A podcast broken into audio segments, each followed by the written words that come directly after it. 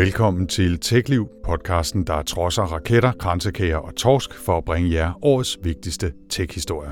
I denne episode der fortsætter vi vores 2021 special med endnu en omgang af de største, vigtigste, sjoveste og mærkeligste begivenheder i Techland. Vi skal blandt andet høre om NFT'er og elbiler, vi skal sige farvel til en række prominente personer, og vi skal have et lille vedmål om 2022. Så hvad enten du lytter med, mens du gør smokingen eller kjolen klar, eller du dulmer tømmermændene med lidt tekstsnak i hovedtelefonerne, så velkommen til denne anden nytårsspecial fra TechLiv. Jeg hedder Nikolaj Frank. Og jeg hedder Anders Høgh Nissen. Velkommen til. Og jeg vil lige indsparke her, at det jo som nævnt jo er den anden del af TechLivs jule- og nytårskavalkade, og vi synes selvfølgelig, at man skal lytte begge to. Hvis du ikke nu har nået at få den første med, så handlede den blandt andet om Facebook Files, stormen på kongressen, russisk opstramning, balladen om appbutikkerne og meget mere. Og vi fik sørme os både quizet og uddelt årets facepalm. Hvis du ikke allerede har lyttet, så er der masser af guf at gå tilbage til. Og lad os så komme i gang med episode 2 af vores 2021 special. Og Nick, det er igen dig, der får lov til at lægge ud med et bud på et par af årets vigtigste temaer. Ja, jeg har igen lavet sådan en lille trætrinsraket, dengang om nogle af de nye teknologier, som der har været meget hype om i 2021. Og jeg lægger ud med kryptovaluta, som mm. så ikke er så ny igen, men øh, lidt ny er den vel. Den har fyldt meget i 2021, lad os ja, bare sige det på den måde. Det har den nemlig, mm. fordi den har nemlig ligget i dvale i nogle år indtil starten af 2021, faktisk også slutningen af 2020, hvor at der jo bare startede de her gigantiske stigninger i prisen på kryptovaluta. Og den mest værdifulde af dem, det er jo også den, der ofte omtales, det er jo bitcoin. Prisen satte ny rekord allerede i december sidste år, da den rundede de her 20-21.000 dollars. Der har den ikke været siden øh, omkring 2017. Men siden der fortsatte den bare opad, og den peakede i år på over 65.500 dollars. Den samlede værdi af bitcoin passerede altså i løbet af 2021 1.000 milliarder dollars. Og bitcoin er nu i top 10 over verdens mest værdifulde, det man kalder asset, altså en hitliste, der også indeholder værdien af firmaer som Apple og Microsoft, men også ædelmetaller som guld og sølv. Og på sit højeste, der var bitcoin faktisk mere værd end både Tesla og Facebook. Dog ikke til sammen, men mm. alligevel. Ikke? Mm. Og jeg synes bare, at udviklingen i 2021 viser sådan ret tydeligt, at kryptovaluta bliver mere og mere accepteret, både sådan hos firmaer og investorer og betalingsudbydere vil alle sammen begynde at understøtte det, og også bare hos almindelige mennesker.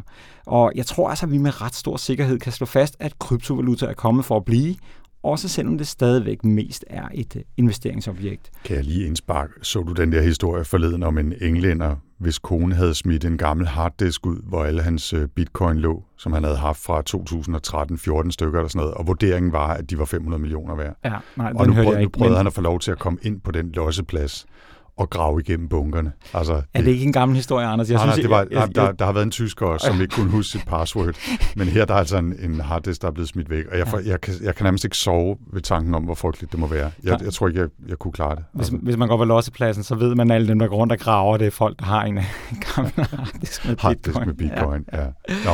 Yes, men altså, det, det, der bliver jo også eksperimenteret andre steder end på lossepladsen i hvert fald. Øh, årets vildeste forsøg, det finder vi jo i El Salvador, der som det første land i verden har indført bitcoin som officiel valuta side om side med dollars. Og det er jo et helt vildt eksperiment, der også må sige at være ganske risikabel, fordi at kursen jo netop fluktuerer så voldsomt, som det er tilfældet. De digitale valutaer har jo også stadigvæk nogle af de her store udfordringer med voldsomme mængder øh, CO2, som de, de bruger, når man skal holde de her systemer kørende. Men altså, det ændrer bare ikke på, at kryptovaluta og den bagvedliggende blockchain-teknologi for alvor har peaked i 2021. Det er altså teknologier, som flere forventer bliver ryggraden i det, der kaldes Web3, altså den tredje generation af internettet.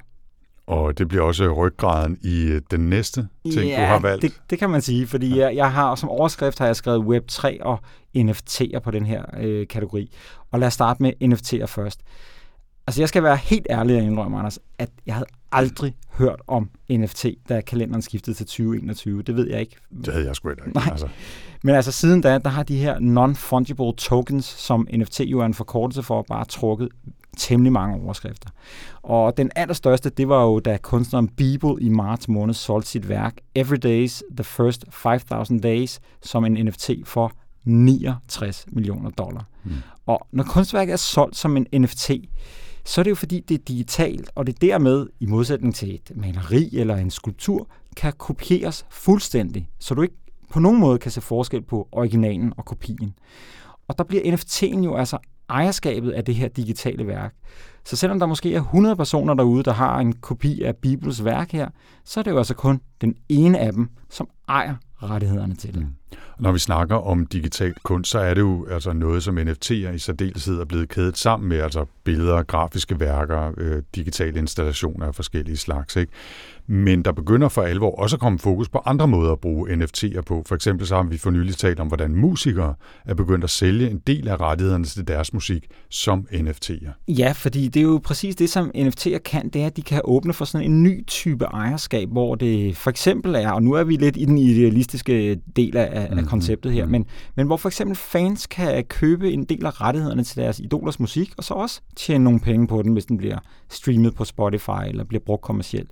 Og vi så jo også en dansk filmproducer, der vil samle en 8-10 millioner dollars via NFT'er, simpelthen til at producere en ny Hollywood-film.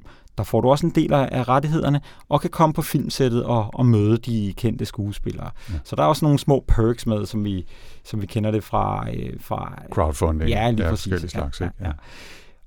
Det, der så også er lidt særligt ved det her, fordi man siger, at kunne man ikke lave det på en anden måde? Jo, det kunne man måske godt, men det unikke her er, at hvordan pengene skal fordeles, det skrives ind i sådan det, man kalder en smart contract, som bliver skrevet på den her blockchain, som er den her digitale regnskabsbog.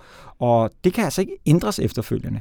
Så det gælder for eksempel også, hvis du sælger en NFT med altså et helt eller delvist ejerskab til et stykke musik eller et kunstværk. Hvis du sælger den videre, så vil det måske være skrevet ind, at kunstneren skal have 10 eller 15 procent af det her videresalg. Det kan aldrig ændres, fordi det står i den her smart contract.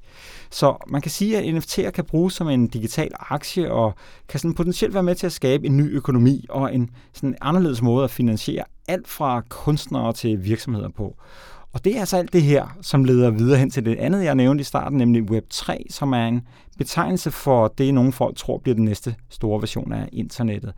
Og det drejer sig altså om tanken om et decentraliseret internet, hvor det netop er de her koncepter som kryptovaluta, blockchain, smart contracts og NFT'er, som jo alle sammen er bygget på kryptografi, frem for vores nuværende sådan, centraliserede internet, hvor det er banker og sådan, mere klassiske platforme, der har kontrollen, og som er dem, som, som du skal stole på, og kan holde styr på dine penge og dine data. Mm. Så det er ligesom det, der er, er skiftet her, og vi begynder at se nogle af konturerne til det. Ja, og det er jo noget, som øh, der virkelig har været meget snak om bare i den sidste måned. Altså, der var sgu ikke mange, der sagde Web3 i september, eller oktober, eller november, men sidste måned er det virkelig øh, boblet op, og folk begynder at snakke om mange vilde visioner, og også mange selvfølgelig udfordringer ved det her og det, øh, koncept. Og det er jo lige netop fordi, at nogle af trådene begynder at samles lidt her. Ikke? For man har tænkt, hvad skal man bruge de her kryptovaluta til andet end bare at spekulere og håbe på, at man vinder i, i, i det der store øh, pyramidespil, eller hvad man ja, skal kalde det. Og man ikke kommer til at smide sin harddisk på låsepladsen. ja, lige præcis. Ja. Og det er det, som jeg synes er særligt ved teknologiåret 2021, det er faktisk, at det er sjældent, at man ser forskellige teknologier, der begynder at samle sig på den måde, som vi har oplevet i år, som måske tegner øh, det, der kommer til at ske fremadrettet. Ja. Og sådan er det måske også med det tredje koncept, det som du egentlig gerne vil fortælle om. Ja, fordi at, øh, i min den her 321, der, der står under et-tallet, der står metaverset.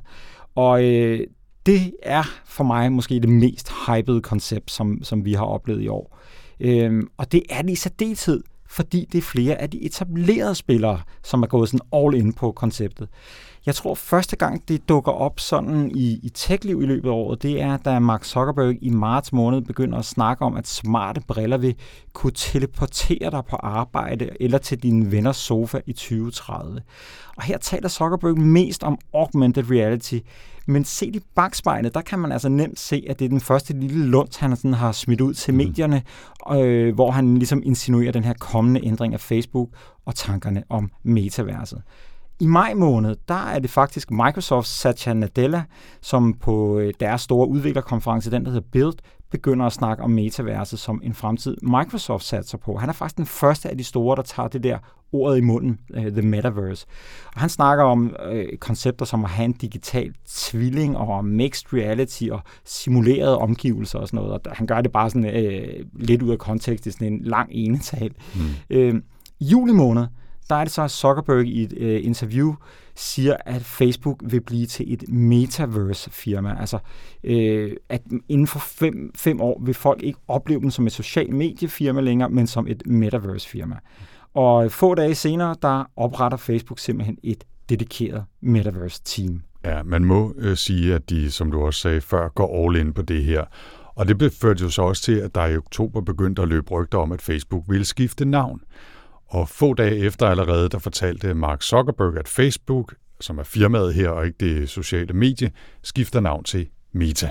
Og så er man altså gået all in. Ikke? Ja. Og den her besked kom fra ham øh, ved den årlige Facebook Connect-event, der som øh, altid har fokus på virtual reality. Og den her øh, begivenhed i år, eller hovedtalen ved den her begivenhed, det blev en rigtig lang og, og spændende og interessant øh, gennemgang af, hvordan Zuckerberg og altså nu Meta forestiller sig, at deres version af metaverset kommer til at se ud. Og hvis man lige meget kort skal skitsere det, så er det jo ja, internettet og, og spil og tjenester og arbejde og alt muligt andet nu bare i 3D, hvor man via en særlig type af digitale briller er sammen med andre mennesker i digitale universer, hvor man bliver repræsenteret af en avatar, altså en, en virtuel figur, det som øh, Nadella kalder for en uh, digital tvilling. Så vi kan altså i princippet og hen ad vejen gøre mere eller mindre det samme, som vi gør ude i den fysiske verden. Øh, spille, holde møder, dyrke fitness, besøge hinanden, gå til koncert osv. osv. Ja, og jeg vil bare lige tilføje, at det, der var særligt ved den øh, præsentation, som, som Mark Zuckerberg lavede der, det var, at i forhold til mange af de her øh, teknologier, når, når folk snakker om det, så viste de det jo. Altså, de viste jo Mark Zuckerberg, der deltager i de her universer. Man er, man er med hele vejen i præsentationen, inde i alle mulige forskellige rum, og på den måde blev det visualiseret for første gang, hvor man ikke bare hører om det og forestiller sig, at jeg kan blive teleporteret på arbejde og bla bla bla. Du så det meget, meget øh, sådan hands-on. Og det er for mig, det gjorde en kæmpe forskel for mig i forståelsen af det, og, og også ligesom min, øh, min, min altså jeg har, jeg har ikke været den største sådan virtual reality fortaler, men jeg kan godt se, at, at det her, det, det kan noget. Men der er et lille stykke vej, før vi kommer til den fulde udgave af den vision, ikke? Det er der absolut, fordi der er jo noget teknologi, der mangler, før at metaverser for alvor kan blive til virkelighed, selvom det sådan delvist eksisterer. Og sådan det eneste meget konkrete, der mangler, det er jo nogle mere overbevisende avatarer, og også gerne nogen, der har ben. Ikke? Fordi som det er lige nu, så er folk jo en, en torso med arme og, og et ansigt, og det er sådan en lidt mærkelig måde, at det er halve mennesker, der, der sidder i et mødelokale med mm, hinanden. Og det andet, der er behov for, det er jo simpelthen mere øh, avanceret øh, teknologi i form af, af briller, som kan gøre oplevelsen bare mere overbevisende, end den er i dag. Og Meta, de løftede sløret for, at de har planer om at lancere deres mest avancerede headset i slutningen af 2022. Det ville selvfølgelig også være underligt, hvis de lancerede et, der var... Mindre avanceret, ja. Men øh, vi, vi forventer jo også, at Apple også øh, har planer om at, at lancere sådan, øh, deres første briller næste år. Så når jeg siger, Anders, mm. at metaverse er årets mest hypede teknologiord, så er det jo, som jeg startede med at sige, fordi det er folk som Zuckerberg, der siger, at man vil opfatte hans firma som et metaverse-firma. Det er Satya Nadella, der siger, at Microsoft tror på det, og senest har Bill Gates været ude og sige, at han tror, at de fleste videomøder vil blive holdt i metaverset om to til tre år. Mm. Altså, efter han selv har prøvet det, ikke? Mm. Hvad siger du til det? Er det noget, du ser for dig, eller... Jeg har det med metaverset lidt ligesom jeg har det med Web3-ideen lige for tiden. Ikke? Altså det er nogle store omvæltende og grundlæggende forandringer eller udviklinger, der er ved at ske lige nu, men jeg har det ambivalent med dem. Ikke? Fordi på den ene side, så er jeg fascineret og sci-fi-nørdet og teknologi-interesseret øh, nok til at synes, at det er virkelig spændende og interessant, hvad man kan få ud af, i det her tilfælde med metaverset, og smelte den fysiske og den digitale virksomhed sammen. På den anden side, så ved vi jo også godt, at der bare altid følger en masse lort med nye teknologier, og måske især også, når det er de store tech-giganter, som er bannerfører og gerne vil vise vej. Så næsten mod bedre vidne, så håber jeg, at det bliver sjovt og spændende og åbent og inkluderende, men frygter nok også, at det bliver ligesom Facebook og de værste forer på 4chan og den slags ting, nu bare i 3D. Ja, men altså det, det, det kan virkelig, virkelig køre helt af sporet, og jeg vil også sige, at jeg synes, at der er, øh, som du også var inde på, altså når der kommer nye teknologier som det her, så prøver man jo at sælge ligesom den idealistiske tanke omkring, hvordan tingene bliver bedre, og hvordan det bliver mere demokratisk, og hvordan øh, pludselig så kan man bo øh, på det sydlige øh, Lolland og alligevel øh, arbejde i, i øh, USA, eller mm. hvad det er, ikke? Altså, øh, men det er jo sjældent sådan, det bliver. Desværre. Ja.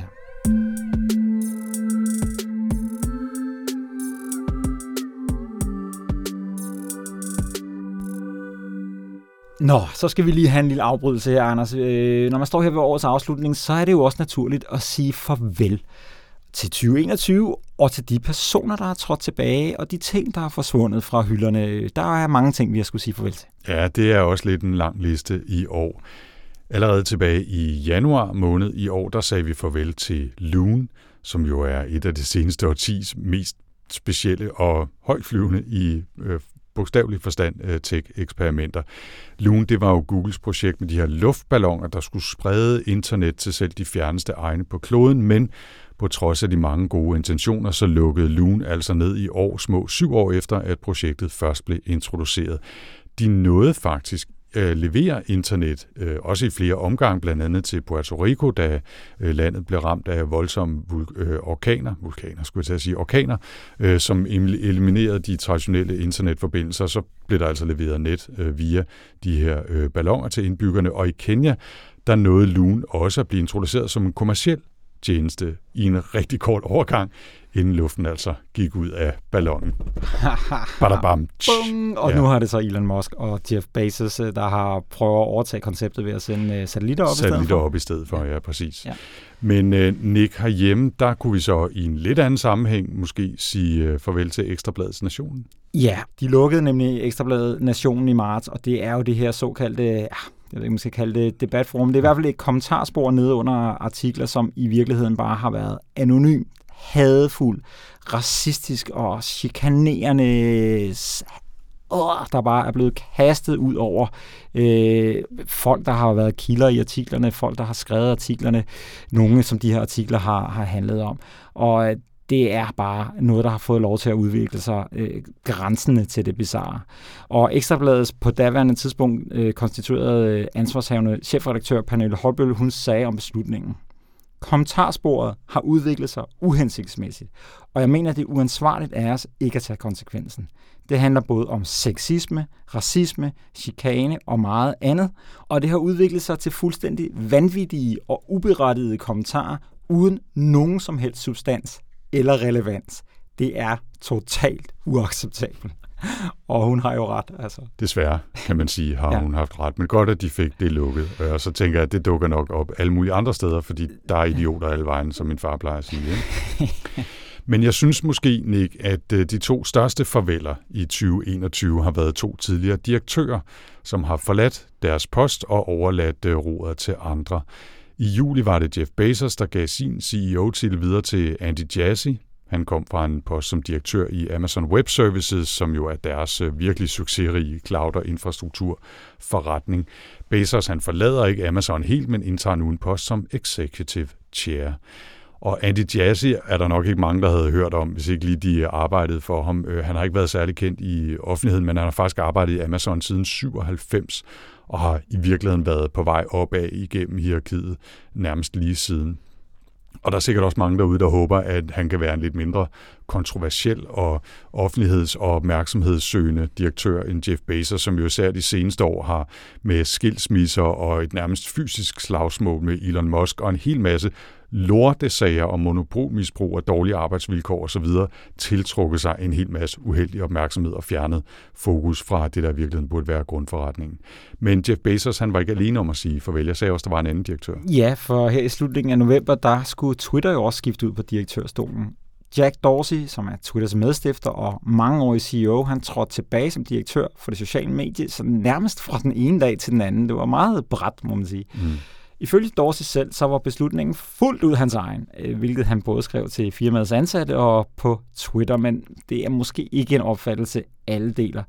Twitter de har jo gennem mange år kæmpet sådan ret voldsomt med at vækste antallet af brugere, og de har også haft svært ved at løfte indtægterne for alvor, og faktisk er deres aktiekurs i dag stort set præcis det samme, som da de blev børsnoteret i 2013. Ikke så heldigt. Nej, det er, det er, altså, så der er i hvert fald nogle aktionærer, der har, gerne har vil presse ham ud. Ikke? Mm. Øh, og Jack Dorsey, han var jo så CEO fra 2006 til ja, 2006, det hedder jo 2006 til, til 2008, og så igen fra 2015 til 2021.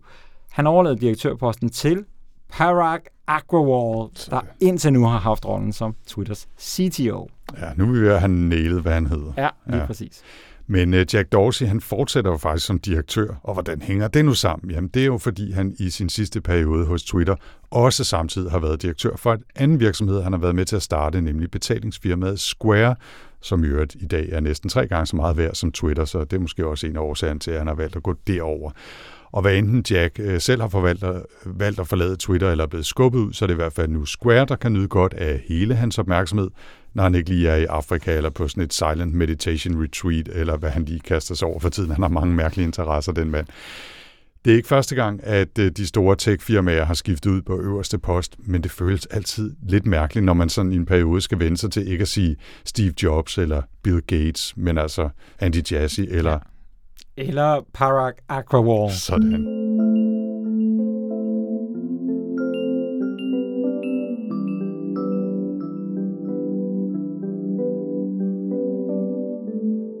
Og så fik vi sagt pænt farvel til både godt og skidt, må man mhm. sige.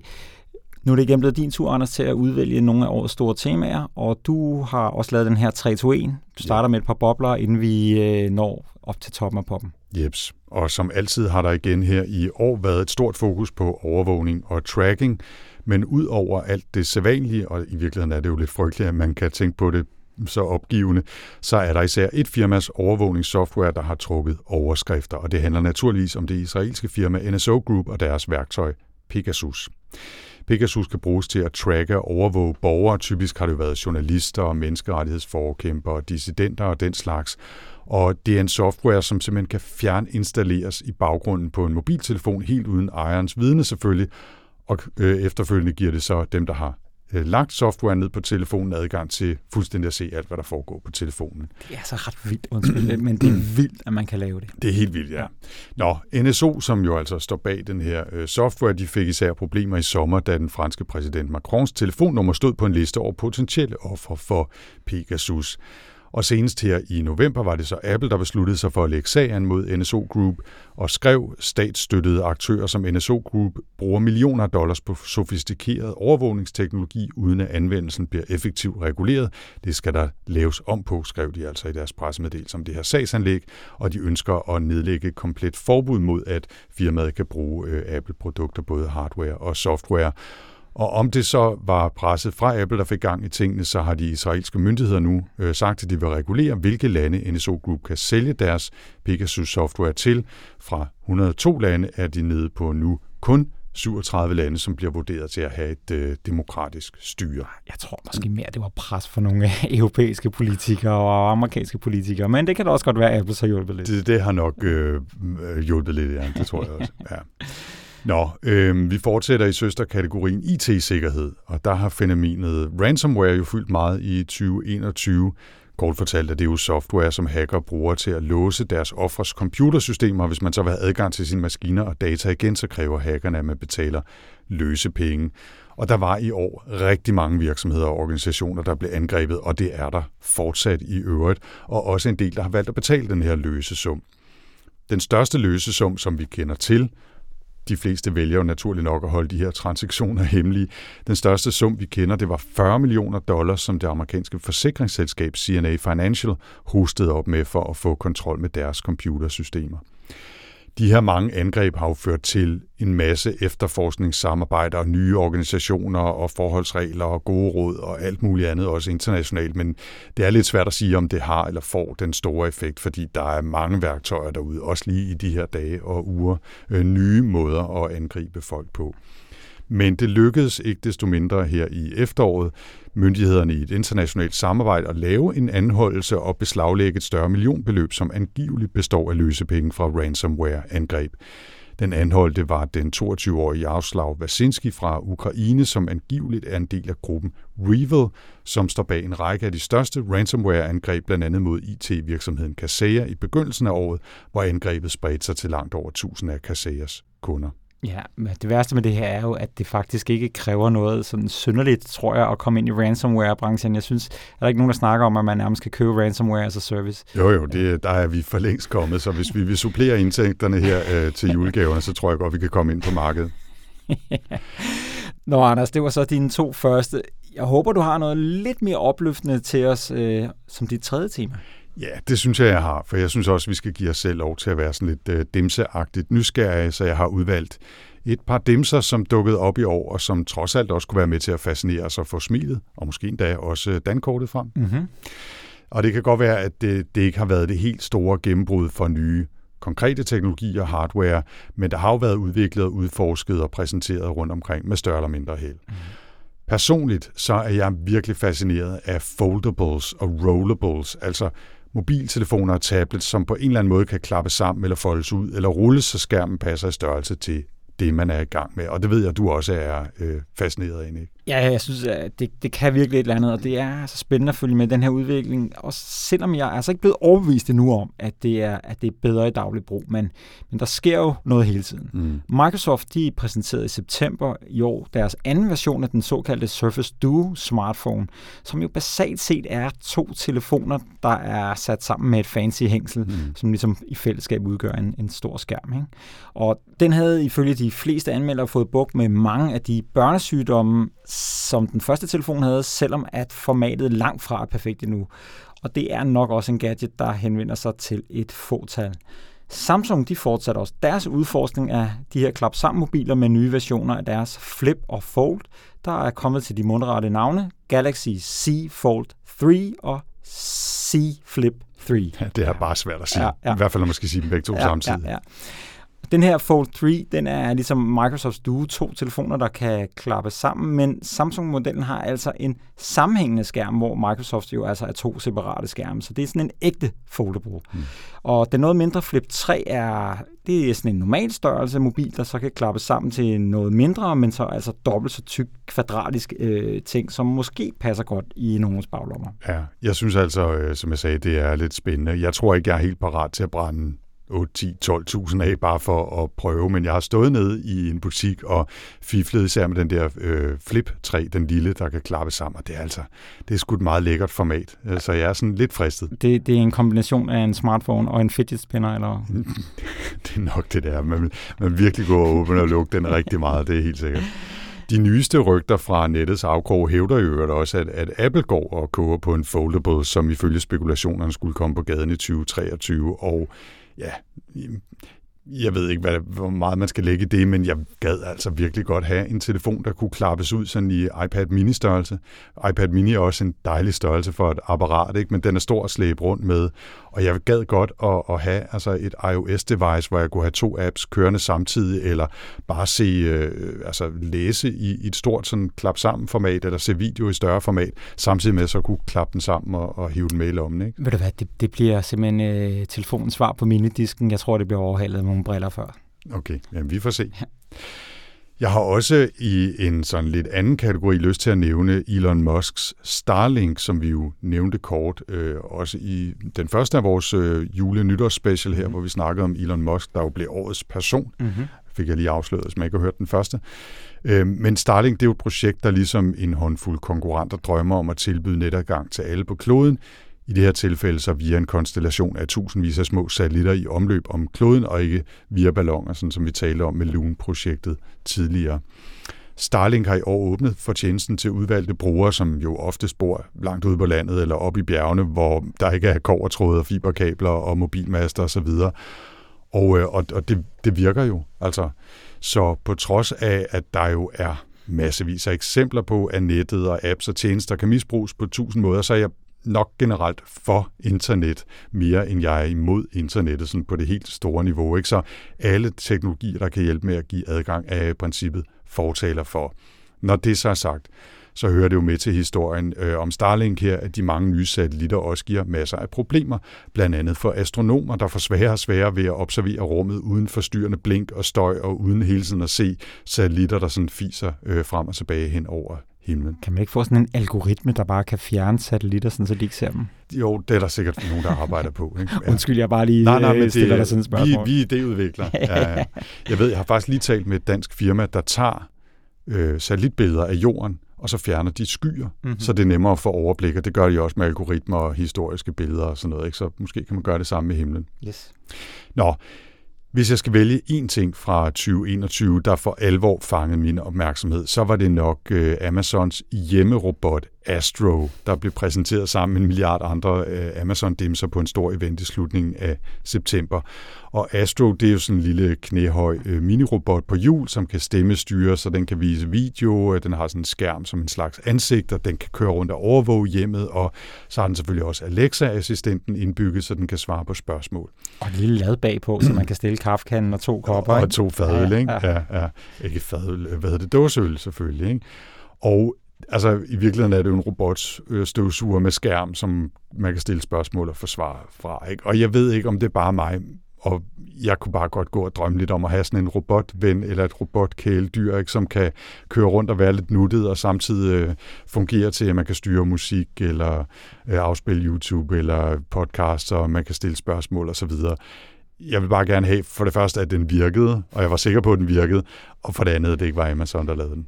Ja, altså jeg ved det ikke. For at være helt ærlig, så ønsker jeg mig altså ingenlunde sådan en lille robot, der skal trille rundt efter mig derhjemme, og særligt ikke, når den har Amazon printet ind i sin sjæl. Men altså, jeg giver helt sikkert topkarakter for, at firmaerne bliver ved med at forestille sig, at vi gerne vil have den her digitale ven derhjemme. Altså jeg mm. tror virkelig, at der er mange øh, nemmere måder at, at løse det her problem på, i forhold til at have en digital assistent. Den behøver ikke rulle rundt efter mig. Det kan jo bare være en mikrofon, der er i rummet ja. i stedet for.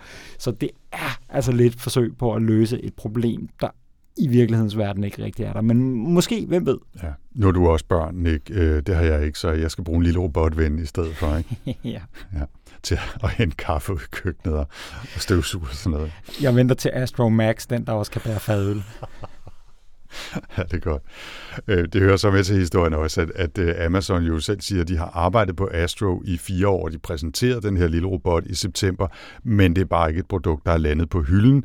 Øh, den kan forløbe kun erhverves og prøve sig folk, som Amazon selv inviterer til at købe den for 1000 dollars, og jeg kunne ikke lige umiddelbart finde nogen, der skriver, at de har gjort det, så måske følger der også en NDA med, at man heller ikke fortæller om det, hvis man har sådan en. Så det er stadigvæk bare et, øh, et produkt, som Amazon har præsenteret, og den nyeste information er fra launch-eventen. Der findes ikke mere om Astro derude. Nej, men altså, det er det klassiske Amazon, altså det, og det er jo meget sjovt også nogle gange, det der med bare at smide produkter ud, som som øh, ligner noget, og så prøver man at mærke, hvordan reaktionerne er, og så tager man den derfra. Ja. ja.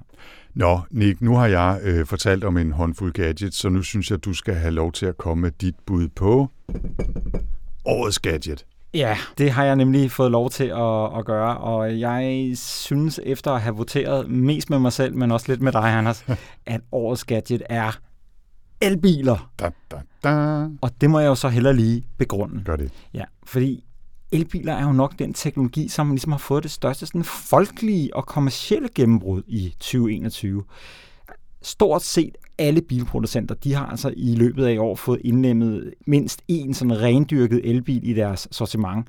Og så er forbrugerne jo ret vilde med dem. Mm. Altså går du på gaden i København, så er der masser af elbiler. Altså du skal jo ikke stå og vente i, i 40 sekunder på, at der kommer en forbi. Der kommer en forbi hele tiden. Og i hele det nordlige Europa, der sættes jo altså nye markante salgsrekorder. Ingen kan selvfølgelig nå elbil forgangslandet Norge til sokkerhånderne, fordi at de sætter bare de vildeste rekorder. De seneste fire måneder, der har elektriske biler stået for over 70 procent af alle solgte personbiler i Norge. Og i september, der satte de all-time record 77,5 procent. Det er vildt. Ja, og den samme måned i øvrigt i september, der blev øh, en elbil, det var Tesla Model 3, for første gang nogensinde den mest solgte bil i Europa, altså når man sammenligner tallene i, eller samler tallene mm, fra, mm. fra hele Europa. Det, som jeg synes måske er det mest slående ved det, det er, at det er jo ikke kun fordi, at folk er klimabevidste, at, at mange skifter til en elbil. Det er jo simpelthen også af den simple grund, at mange elbiler teknologisk har overhalet benzin- og dieselbilerne. Altså sådan helt lavpraktisk, så har mange af dem jo meget kraftigere acceleration, så du ligesom kan komme hurtigere afsted.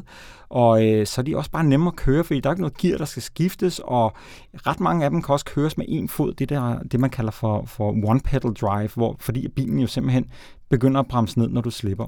Og det gør det bare super, super simpelt og, og, og behageligt at køre en elbil. Mm. Men det, der måske er det sådan mest slående, sådan det mest sådan uh, gadgetagtige, det er jo også det der med, at uh, at mange af de nye elbiler kan opdateres via softwareopdateringer. Det var Tesla jo de første, der, der, der lancerede, ligesom at man får en opdatering til sin telefon, og så installerer man den trådløst, så får man det til sin bil. Og det betyder på samme måde, at du får nye funktioner til bilen og sådan noget. Så, så på den måde, der, der, der kan du altså du kan styre mange af bilens funktioner med en app, og elbiler er simpelthen i 2021, det er i hvert fald min øh, opfattelse, det er blevet en regulær gadget, og nærmest lidt et modfænomen. Og det tænker jeg, der er altså ikke noget andet produkt, jeg kan tænke på, der ligesom har braget igennem lydmuren i 2021. Og derfor synes jeg i hvert fald, at elbiler er overskatte.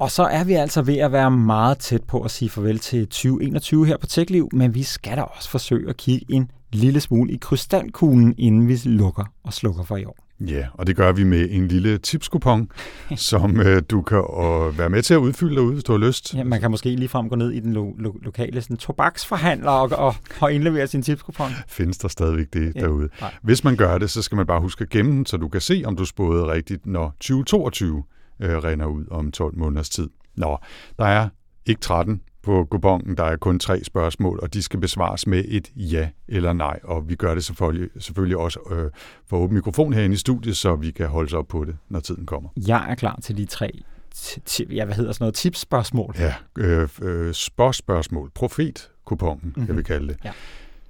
Bliver en dansk NFT solgt til over 10 millioner kroner? Ja eller nej? Du vil have mit svar med det samme? Ja, det vil jeg. Okay, jeg siger nej. Jeg siger ja, yeah, der er 12 måneder til at køre den her op, og om ikke andet, så gør jeg det fandme selv. Det var spørgsmål 1. Ja, okay. Hvad tænker du derude? Bliver en dansk NFT solgt til over 10 millioner kroner? Skriv dit svar ned og husk det om et år. Spørgsmål 2. Kommer der et videoheadset, enten virtual reality eller augmented reality, fra Apple til salg til almindelige forbrugere i 2022? Ja, ja eller nej? Jeg siger nej. Jeg siger også nej.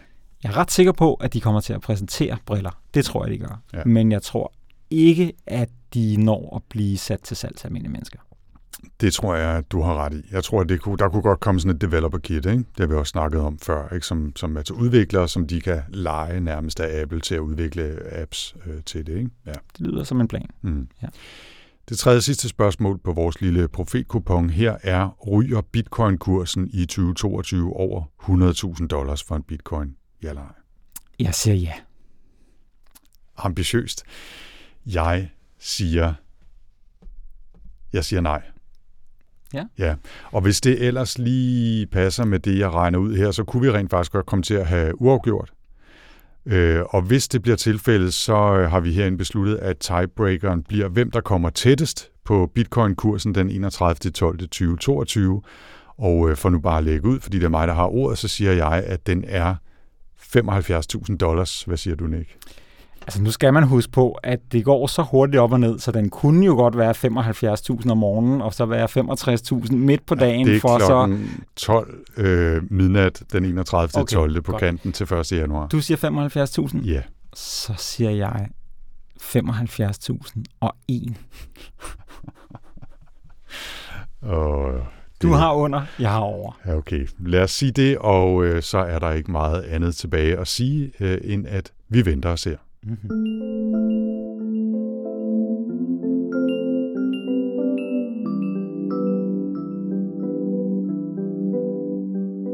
Og det var så også det, vi havde at sige herinde på TechLiv for i år. Vi lukker for 2021, genstarter og krydser fingre og håber, at virkeligheden rebooter i 2022. Tilbage er der bare at sige, at TechLiv-podcasten vender tilbage igen i et mere vand format om 14 dage, lige her i din afspiller. Ha' det rigtig godt nytår. Jeg hedder Nikolaj Frank. Og jeg hedder Anders Høgh Nissen. Vi høres ved. Tak for denne gang, og godt nytår.